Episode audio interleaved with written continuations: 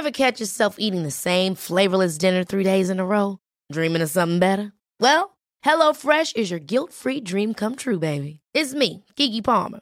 Let's wake up those taste buds with hot, juicy pecan-crusted chicken or garlic butter shrimp scampi. Mm. Hello Fresh. Stop dreaming of all the delicious possibilities and dig in at HelloFresh.com. Let's get this dinner party started.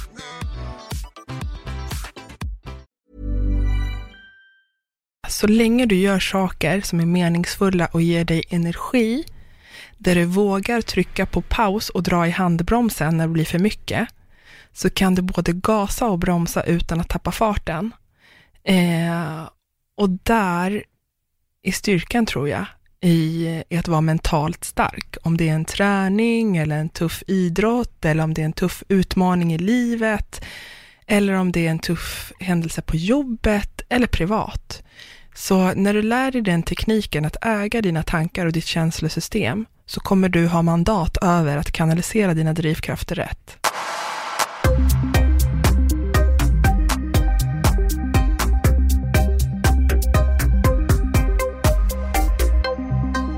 Leila Karshawi, välkommen till Öppet sinne. Tack för att jag fick komma. Ja, vad roligt att, att ha dig här, för att eh, Ellen rekommenderade dig Mhm. och jag och Ellen kom lite in på diskussionen att man vet aldrig vem man pratar med och vad de kan göra för en i framtiden.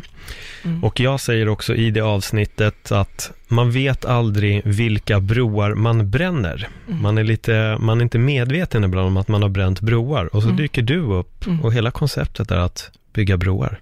Precis så är det. Eh, jag tror att det är otroligt viktigt att verkligen eh, riva de här murarna och bygga de här broarna och ta vara på dem så att man inte bränner några. Mm, exakt.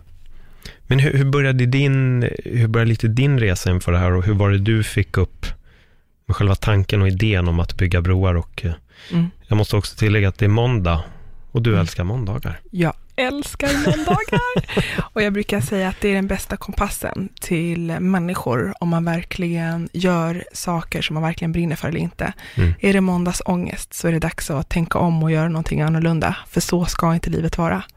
Nej, Det ska vara lördag, söndag, alla dagar i veckan. exakt. Exakt. Hur vände du på den tanken? För det där är en, det är egentligen bara ett mindset, Mm, mm. att ändra på det. Hur Mm. gjorde du? Eh, jag har sett till att eh, min vardag alltid har varit meningsfull, oavsett vad jag har jobbat med. Eh, allt från mitt första jobb, när jag jobbade ute i Nacka kommun och plockade skräp och såg det mer att jag gjorde, skapade trivsamma arbetsmiljöer eller trivsamma natur för människor som ville vistas i naturen. Och det är exakt samma jobb. Jag plockade fortfarande skräp, men ena sidan så tyckte man synd om sig själv med andra ungdomar som tyckte att det var inte alls så kul. Samtidigt som jag ägde mina tankar och mitt känslosystem till att jag faktiskt skapar trivsamma miljöer för människor som vill vistas i naturen. Och där eh, har vi ett eget ansvar hur vi ser på saker och ting. Mm. Allt från det till att eh, vara ekonomichef och, och eh, ha hand om ett gäng på ett stort bolag. Eh, eh, till att det tråkiga, se meningsfullheten i det eh, och hur det kan vara ett steg närmare eh, min ledstjärna eller mitt mål i livet. Om det är att betala räkningar eller om det är att spara pengar till en resa eller bygga ett hus eller eh, skapa den ekonomiska friheten för att vara närvarande med sina barn och familj spelar egentligen ingen roll, bara det är meningsfullt. Mm. För att det kan jag känna ibland när man pratar med folk, att man, jag kan nästan uppleva att vissa har tappat anledningen till varför de gör vissa saker. Mm. Istället kanske det är att, ja, men jag jobbar nu om 25 år så är det pension, fan vad skönt, då kan Mm. jag koppla av. Mm. Fast det är också, för mig, det är ganska tragiskt, tragiskt sätt att se på det, att man ska Mm. vänta i 25 år innan man kan börja ha kul. Mm. Jag tror att det har hänt någonting där eh, mellan olika generationer. Eh, och tillbaka till Bygg broar, eh, Mm. och det jag gör idag är egentligen att bygga broar mellan olika människor från olika generationer, olika branscher, i, med olika kompetenser, för att just få det här perspektivförflyttningen och komma åt sin kärna i livet och det som skapar meningsfullhet egentligen. För många kan se att man får en ersättning på jobbet och man får en lön och kan betala sina räkningar och det är ju meningsfullt och man verkligen gör någonting vettigt. Men från att göra någonting vettigt till att göra någonting meningsfullt är det ett stort gap som vi tyvärr inte vet om. Så vi tror att vi jobbar, får bra lön för att köpa den där väskan, för att resa till det där resmålet, för att köpa den där bilen, för att bo i det där huset. Men i slutändan när man kommer till målet så känner man sig tom.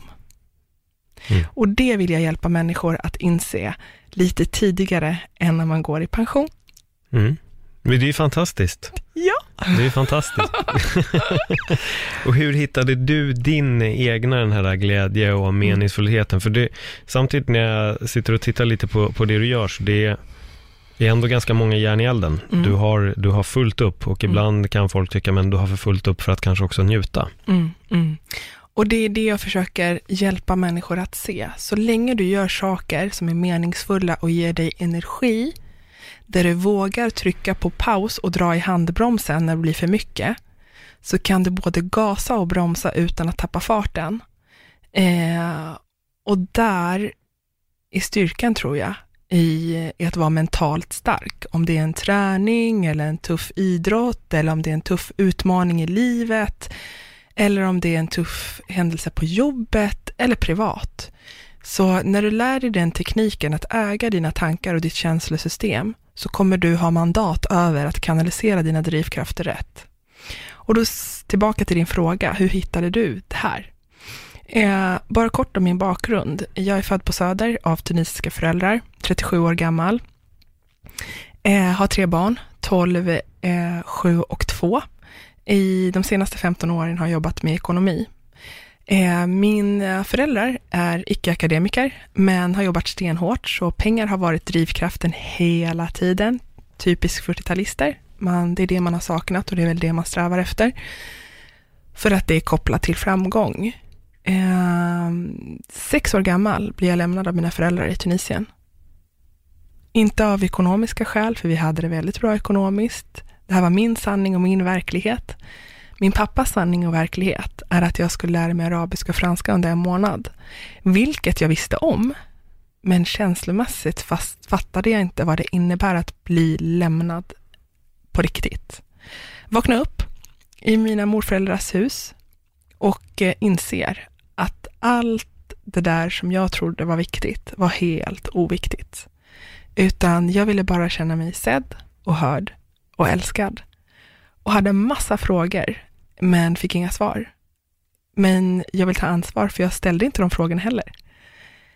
Tanken var att jag skulle där i månad, men det slutade med att jag var där tills jag var 14. Oj, ja det är rätt många månader, mer än en. För jag vägrade flytta hem till Sverige. Okej. Okay. Och eh, nu kan jag se tillbaka till det och tänka, det är klart att jag inte vill tillbaka till Sverige, för där fick jag alltid i världen med två vuxna som var närvarande, mycket kärlek, starka värderingar, glädje, värme på en hel annan dimension. Kontra här, föräldrar som jobbar, stressar, eh, mesta tiden är man på dagis. Eh, så det var ju inte så konstigt, men det är ju det här liksom det här emotionella som man ibland inte vet, vad är det som händer nu? Det känns inte rätt. Att stanna upp och känna efter, vad är det som inte känns rätt? Den här magkänslan. Jag tror att det är bullshit allt vi pratar om, att det är klart det är viktigt att vara rationell och, och få till sig liksom eh, underlag för att fatta rätta beslut, både när det gäller jobbmässigt och privat. Men jag tror att vi underskattar den här magkänslan om vi trycker på den här magkänslan så är det oftast kopplat till saker vi har varit med om i livet, i vår undermedvetna. Vi pratar om att 10 procent kommer vi ihåg av livet ungefär och vi tror att det är det som styr oss. Men 90 procent av våra hjärnor är, som, våra, som, som är byggda liksom på minnen påverkar våra beteende, attityder mer än vad vi kan ana. Och är vi inte medvetna om det, då blir det jättesvårt, för då fattar man inte, det känns inte rätt, men jag vet inte varför. Eh, och, eh, och det har jag fått lära mig ganska tidigt, hur viktigt det är att uppskatta det jag har, istället för att jaga och se det jag inte har. När man har det tufft, se människor som har det ännu tuffare Och när man har det bra, försöka sträva hållbart mot, mot en ledstjärna i livet. Mm. Eh, och det är många sådana klokheter som jag har fått av människor från andra generationer, som jag vill ge möjligheter till andra i ett samhälle som Sverige, som är väldigt ålderssegregerat, väldigt svårt att få tag på människor i andra generationer, för du vet exakt vilket café eller restaurang du ska besöka om du är mellan 20 och 30, om du är pensionär. Och så är det ju faktiskt inte i andra länder. Mm. Jag måste bara fråga, hur tänker du där lite med, jag tänker just, dels det du säger, en av mina första gäster, en eh, terapeut som heter Daniel Cremonini sa just att det blir en tankefälla, man tittar mm. alltid på de som har det bättre än de som har det sämre. Och det här gör ju det precis mm. grejen motsatt då, att titta gärna åt andra hållet, vilket är perfekt. Mm. Eh, men då tänker jag lite på den unga generationen, lite som är väldigt påverkad av då Instagram, man ser hela tiden de här filtrerade bilderna och oftast filtrerade verkligheterna för att man väljer att lägga upp det man vill. Att där lurar vi ju in folk också i en, i en värld som egentligen inte existerar. Hur eh, jobbar vi emot det där och får folk att kanske inte hela tiden stirra sig blind på x antal likes eller mm. följare och så vidare. Mm. Mm. Jag skulle nog vilja säga att eh, det är viktigt att skapa de här mötena mellan generationerna eh, för att verkligen få den här perspektivförflyttningen. För att få en verklig bild. Att det som är katastrof för mig nu som 20-åring, när du sitter och pratar med en som är 70 plus kanske, och ger det lite perspektiv, ja, men jag har gått igenom skilsmässa tre gånger, det är ingen katastrof att det körde ihop sig nu med kärleken, utan hjälpa till att hur vill du se tillbaka på den här situationen? Vill du se att du har förstört ditt liv i två, tre år för att en man har lämnat dig? Eller vill du se på det att ja, men, eh, det var lite jobbigt i sex månader, sen tog mig upp igen. Och jag tror att när man börjar byta, alltså man får en känsla att jag är inte ensam, inte när det gäller antal människor runt omkring mig, utan ensam i känslan om det jag går igenom just nu, så blir det på något vis, i det här tuffa, blir det en styrka och en drivkraft. För att jag vet, du har ju fixat det här, det är klart jag kommer också fixa det. Och framför allt, vill jag verkligen sitta där som 95-åring och se tillbaka till mitt liv, att jag har förstört fem år av mitt liv genom bara att gå igenom den här sorgen, jag säger inte att, att man bara liksom ska ignorera vissa saker, tvärtom, stanna upp, men begränsa din tid. Jag ska inte vara ledsen för den här händelsen på jobbet mer än en vecka kanske. Sen måste jag ta tag. Ska jag vara kvar på jobbet? Eller ska jag byta jobb? Eller ska jag ta det här samtalet med min chef så att det blir en annorlunda situation på jobbet? För om det är någonting vi är säkra på, det är att människor inte kan tolka våra tankar. Så vi måste börja bryta tystnaden. Min tystnad bröt jag från 6 till 14. Jag fann modet som 14 år gammal att säga vad jag egentligen kände och tyckte. Vad var det? Och det var egentligen att mina föräldrar hade skilt sig när jag var 11 Eh, och hela tiden har jag bara varit lösningsorienterad. Så här, men, överlevande kan man säga. Eh, och försökt uppskatta det jag har istället för något annat. Men samtidigt konstaterade jag också att jag levde ett liv enligt andlars villkor. Det var egentligen inte det jag ville. Så när jag var 11 så skilde sig mina föräldrar och eh, längtan till min mamma var enorm eftersom jag fick bo hos min pappa efter skilsmässan. Men jag vågade inte berätta för min pappa eftersom det var en konflikt däremellan, att jag hade saknat min mamma och jag ville verkligen tillbaka till Sverige.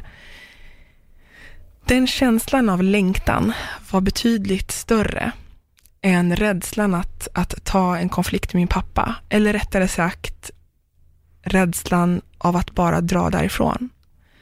Så som 14 år snodde jag mina pass och brorsans och rymde tillbaka till min mamma till Sverige.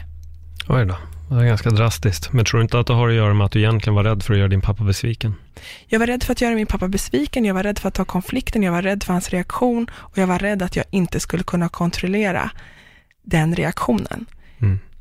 Idag i efterhand vet jag att han aldrig skulle säga någonting om jag bara hade sagt att jag hade saknat min mamma. Men för mig var det extremt noga att jag har inte eh, lust att få en eller två procents chans ett nej. Och då var det mer säkert, när jag tar mina pass så kan jag påverka hela stationen och jag kan träffa min mamma. Mm. Så jag vågade nog inte ta risken där. Hur var hennes reaktion när du kom hem? Eh, bara valet att, eh, att öppna upp sina sinnen till sin mamma och säga, vad var det som hände? Nu vill jag veta. Allt. Och där skapade jag andra sidan av bilden, för jag hade bara ena sidan av bilden om av skilsmässan, men inte min mammas sida.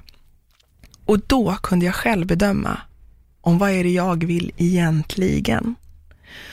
Och när jag kom tillbaka så var det faktiskt, eh, jag kan säga att eh, när jag åkte från Sverige så åkte jag från ett medelklass-Sverige. Vi hade hus, vi hade det bra ekonomiskt ute i Haninge, till ett rikt Tunisien med ett sovrum mot Medelhavet, tillbaka som 14-åring till ett fattigt Sverige med en madrass i köket i Fisksätra. Mm. Och jag kommer ihåg när jag klev in där i lägenheten och insåg att mitt beslut var att jag bytte ut mitt sovrum mot medelhavet mot en madrass i köket, hur jobbigt mentalt det var. Men samtidigt en sån där stark känsla. Det var så värt det att få hamna i mammas famn igen. Mm. Och där tror jag för första gången känner jag att jag äger vem jag är och inte vad jag gör eller speglar utåt. Mm. För då hade jag ingenting. Eller allting, mig själv och min mamma. Vad, hur är din relation med din pappa idag? Jättebra. Eh, sanningar kommer ju ikapp oss. Mm. Eh, och då det gjorde det med mig också. Eh, 2010 så blev pappa svårsjuk. Och eh, det gick bra, men där kom min sanning ikapp mig. Jag var höggravid med min nummer två. Eh, vissa skyller på att det var graviditetshormoner, men jag vet ju hur mycket jag har kämpat och eh, hela tiden haft gasen i botten för att inte känna efter vad jag känner egentligen. Mm. Utan med den här rationella Leila och bara kör på de här målen, haft sjukt kul, haft meningsfullhet i allt jag har gjort, otroligt tacksam för alla år, men på något vis när det där hände så kände jag, ska han dö nu? Eh, jag har massa grejer jag vill säga till honom. Eh, och eh, för min skull så drog jag igång ett samtal som jag ville verkligen, det jag ville få ut. Jag brukar säga det till människor som gör allt för sina barn, för det gör ju vi föräldrar. Eh, vi vill ju verkligen bästa, men vi stämmer inte av vad är barnens behov till exempel och gör jag rätt saker för dem? För för honom var det viktigt med pengar och materiella saker som skulle vara på plats, men det var det inte för mig. Jag brukar säga det, kvittensen på hur du är med dina barn får du den dagen de finner styrkan att tala om på riktigt vad de känner och tycker. Och det var Quality sleep is essential. That's why the Sleep Number Smart Bed is designed for your ever evolving sleep needs. Need a bed that's firmer or softer on either side? Helps you sleep at a comfortable temperature? Sleep Number Smart Beds let you individualize your comfort so you sleep better together. JD Power ranks Sleep Number number 1 in customer satisfaction with mattresses purchased in-store. And now, save 50% on the Sleep Number limited edition Smart Bed for a limited time. For JD Power 2023 award information, visit jdpower.com/awards. Only at a Sleep Number store or sleepnumber.com. Ever catch yourself eating the same flavorless dinner three days in a row? Dreaming of something better? Well, HelloFresh is your guilt-free dream come true, baby. It's me, Kiki Palmer. Let's wake up those taste buds with hot, juicy pecan-crusted chicken or garlic butter shrimp scampi. Mm. Hello Fresh. Stop dreaming of all the delicious possibilities and dig in at HelloFresh.com. Let's get this dinner party started.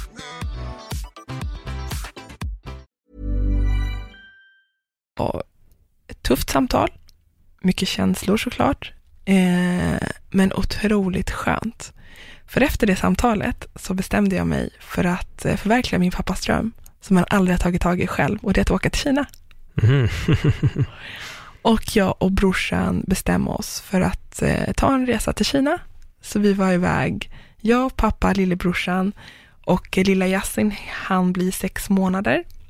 Eh, lämnade femåringen hemma och drog till Kina. Mm. Hur var det? I tre veckor. Eh, pappa var ju chockad för att vi hade överraskat honom. Jag snodde passen där också. Mm.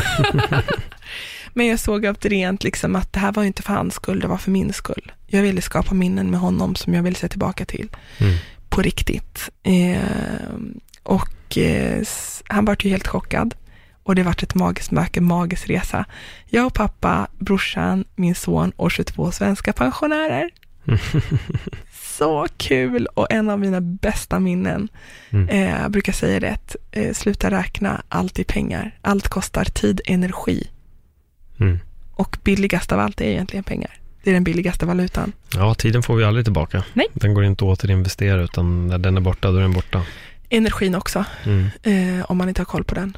Mm. Så, men tyvärr så mäter vi allt, både privat och på jobbet, eh, mer pengar än mm. vi behöver få den insikten att, att eh, resultaten, om det är pengar, om det är kopior, nyckeltal, vad än vi mäter, så är det faktiskt en resultat mm. på hur vi har investerat vår tid och vår energi.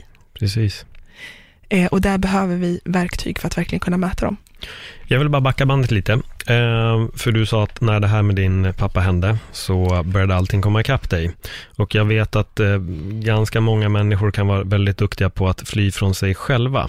Mm. Genom att just jobba väldigt mycket eller hela tiden hålla sig sysselsatt. Det låter nästan lite, du drog det väldigt snabbt, men det lät lite som att det var i den sitsen du var. Mm. Eh, hur ser det ut idag? Hur ska jag svara kort på den frågan? Jag tror nog att för mig, jag gillar inte att överanalysera saker och ting, mm. utan jag gillar, jag ser bara lösningar och nästa steg och nästa steg och nästa steg. Men så länge man ställer sig frågan ofta, är det här värt det? På riktigt. Och stanna upp och bara, när det är jobbigt och känns här riktigt liksom i magen, är det värt det? Får ett svar att det här är så värt det? Ja men gasa på och kör. Men får du, tvekar du på att nej men det här är egentligen inte värt det och, och, och stanna upp och fundera på vad är det jag kan göra annorlunda? Mm. Och det är väl precis den frågan jag ställde mig när jag var på min senaste anställning och kände, är det här värt det? Vill jag lämna det Sverige vi har idag till mina tre barn? Och när svaret var nej, det vill jag inte. Vad är det för förändringar jag vill göra då? Jo, men jag vill skapa en mer meningsfull vardag där vi ser varandra. Den här sociala, humana hållbarheten tror jag kommer vara otroligt viktig för den digitaliserade generationen, eller vad man ska säga, som lever i sina eh, skärmar och, och sociala medier. Eh, och jag tror att det kommer vara en av de viktigaste egenskaperna är den sociala kompetensen, för jag tror inte att många vet hur man ska göra och hantera sådana här tuffa och djupa frågor. Mm. När man vill egentligen försvinna, ta bort blicken och ställa sig in i telefonen och hellre hålla en konversation där. Och då bestämde jag mig för att ta det här initiativet eh, och hoppade av en anställning och eh, startade eget eh, för att se till att de här mötena sker. Mm. Hur länge har du hållit på med det? Ett år och sex månader. Mm. Och på det här ett år och sex månader så, så har vi haft tre fullsatta event på Reval. Eh, där människor har tyckt att det här är viktigt och att man har saknat det här perspektivförflyttningen. Där man saknar egentligen professionella nätverk, där man inte är en titel eller ett bolag som man representerar, utan verkligen, jag är den jag är. Mm. Sen är jag ambitiös och professionell och kompetent och erfaren. Men jag vill vara mig själv eh, och inte vara min yrkesroll mm. eller representera ett bolag. Vem är jag om jag skulle tänka på mitt liv AB? Mm. Vem är du? Vem är du? Det är frågan jag ställer nu. Vem är du? Jag är nog, eh, om man tänker, jag brukar alltid dela upp det i tre. Mm. Yrkes Eh, så är nog den eh, tjejen, ledaren som verkligen vill göra skillnad på riktigt mm. eh, och hjälpa människor att maxa sina pot potentialer genom att se sig själva. Eh, som vän är jag nu den här nyfikna, busiga tjejen som vill alltid göra galenskaper och äventyrlig. Eh, och med mina barn och familj så är jag nog eh, den här lekfulla, eh, barnet som aldrig vill växa upp. Mm. Eh, så det skulle nog vara en kort beskrivning. Mod och passion och eh, meningsfullhet eh, i Leila. Leila vill eh, nog eh, lämna avtryck den dagen eh, hon lämnar den här världen Mm. och inte bara något slags intryck. Är inte det någonting som vi alla egentligen vill? Att det alla driver oss på något sätt att lämna ett avtryck, lämna ett arv, som de säger i engelska, live a legacy. Eh, det är lite den drivkraften även idrottare har, att de vill bli bäst för att lämna efter någonting. Man, man, man drivs mot det här. Jag har också drivits mot det mycket när jag höll på med stand-up. Min vision var inte att bara hålla på med stand-up, det var att jag skulle bli bäst.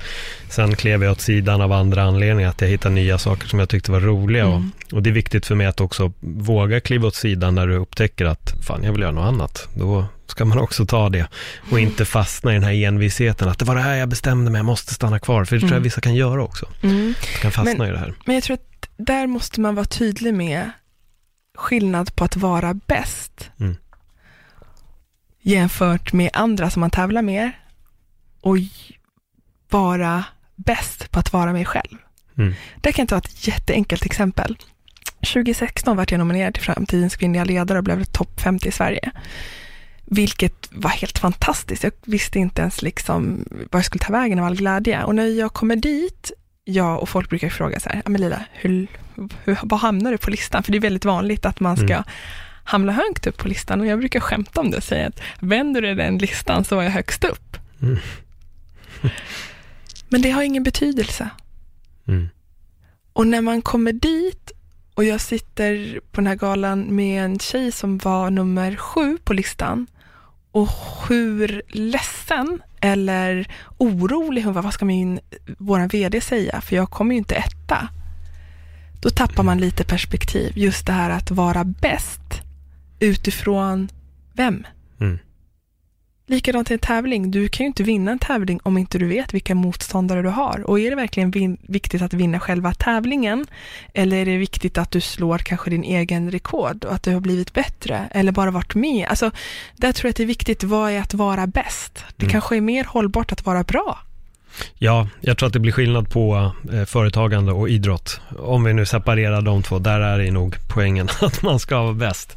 Varför? Eh, nej men jag tror det, allting beror ju på, men där, men där tror jag att framgången där kommer mätas med till exempel pengar, större möjligheter genom att ha nått den ultimata toppen. Och det, jag tror att i ett, nu jag som kommenterar mycket MMA, Mm jag tror nog att om du inte har drivkraften till att vilja bli nummer ett, då kommer du heller aldrig riktigt komma någonstans, medan de som vill bli nummer ett kommer också komma väldigt högt. Därför tror jag det är viktigt för dem att kunna ha den, men jag tror inte att du får bli uppäten av det att bara för att du inte riktigt når fram så bränns allt krut, för det är livsfarligt.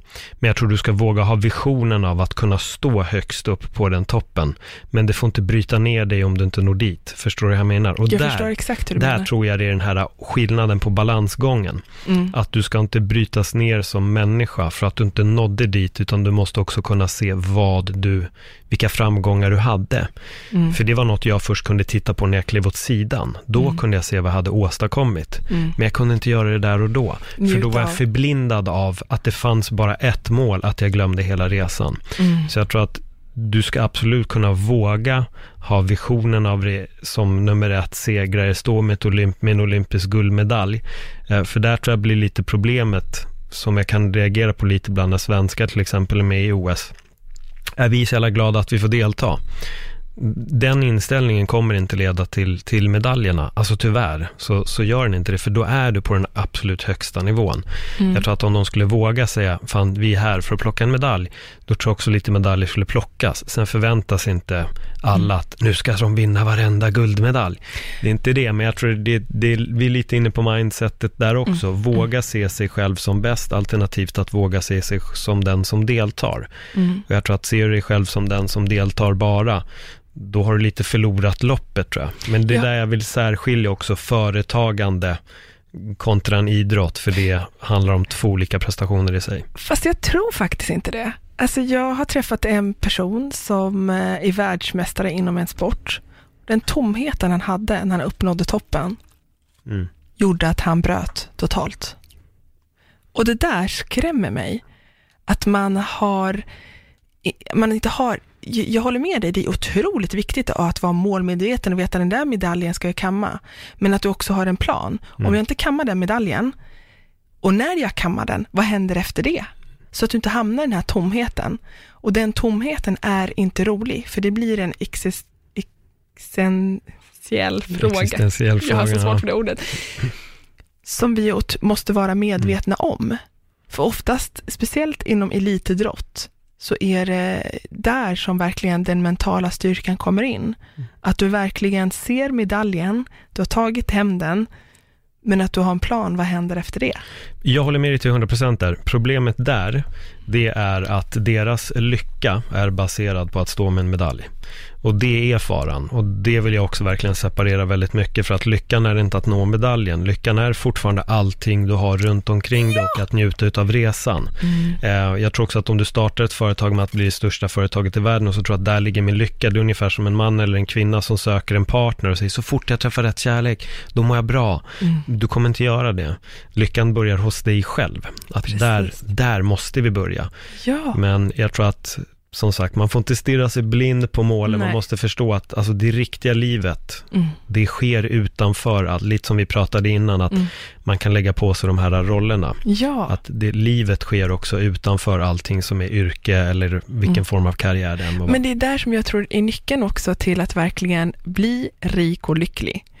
Eh, och när jag pratar rik så pratar jag om allt möjligt. Eh, Mm. Den inre rikedomen, det materiella och lycka samtidigt som går i hand i hand. Att verkligen ha mål eh, och visioner och drömmar som är stora, men att det inte ska vara slutdestinationen, Nej, utan resan exakt. dit och njutningen för varje Precis. sekund. Varje dag ska jag ha det bästa av den här dagen. Mm. Eh, och se till att se det och se till att jobba för det.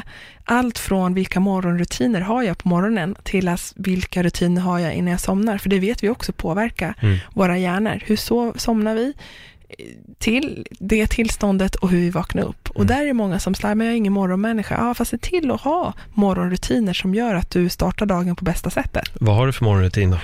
Jag, eh, som trebarnsmamma, så eh, vaknar jag alltid upp till eh, gårdagens eh, lärdom eh, och mm, vad jag vill få ut den här dagen. Och jag brukar alltid tänka, och det får jag fått av min morfar, som berättade alltid innan jag somnade, må du vakna upp till ditt bästa jag. Det är fint. Och om vi får en dag till att leva så ska det bli den bästa dagen i vårt liv. Mm.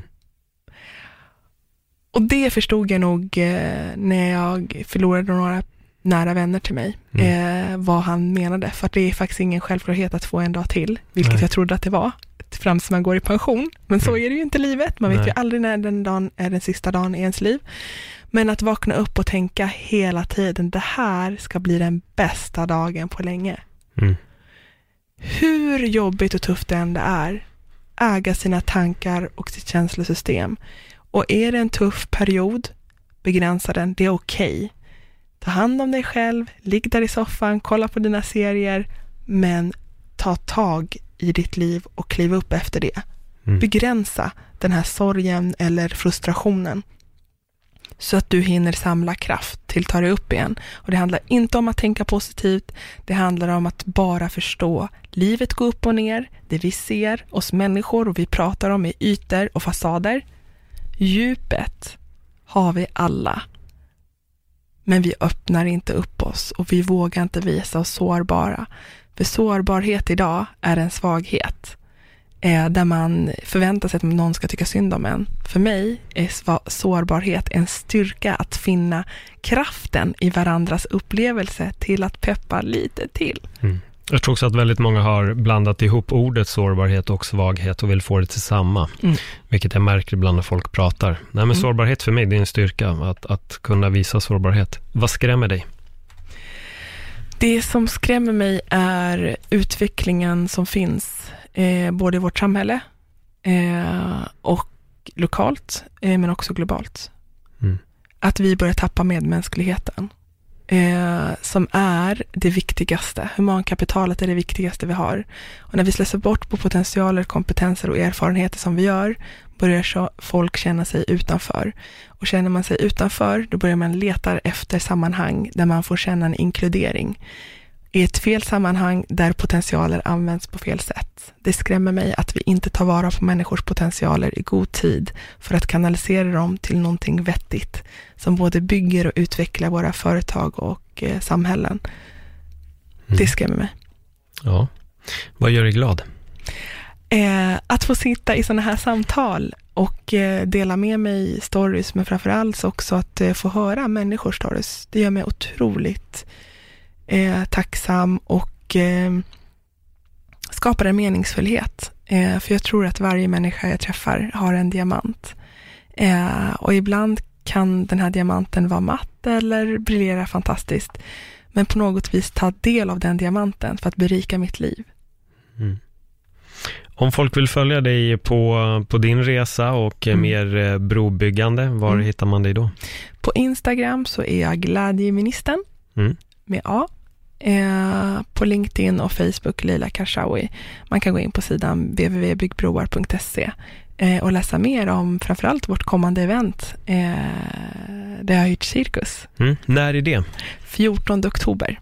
Mm. En måndag. Eh, Sveriges viktigaste konferens för ett hållbart, en hållbar framtid och ett hållbart Sverige med fokus på samverkan mellan generationer. Där vi ska bygga de här broarna på riktigt. Spännande. Och eh, är det slump att det blev en måndag? Nej. Alla event vi har haft har varit på måndagar och det är bara för att uppmana människor att måndagen är egentligen din viktigaste kompass i livet. Mm. Gör du inte rätt saker så känner du ångesten. Gör du rätt saker så kommer det vara helg hela veckan. Exakt. Mycket rätt. Jag kommer länka till, till eh, Bygga broar-sidan på... Inte bygga broar, utan bygg, bygg din broar. order nu. Nu Förstår. måste vi ta bygg ett ansvar. Broar. eh, för er som lyssnar på den, det är bara att gå in på länken i, bi, eller hitta länken i bion. Mm. Så den där. Leila, tack så jättemycket för ett eh, bra samtal. Tack själv för att jag fick komma. Absolut, och nu är det bara att gå ut och eh, bygga broar. Det är det som gäller. Bygga broar och göra skillnad för nästkommande generationer. Mm. Det blir win-win för alla. Exakt. Tack så jättemycket. Tack, tack. Hej. Ja, till er som uppskattar podden, ha det jätte, jättebra. Hej då.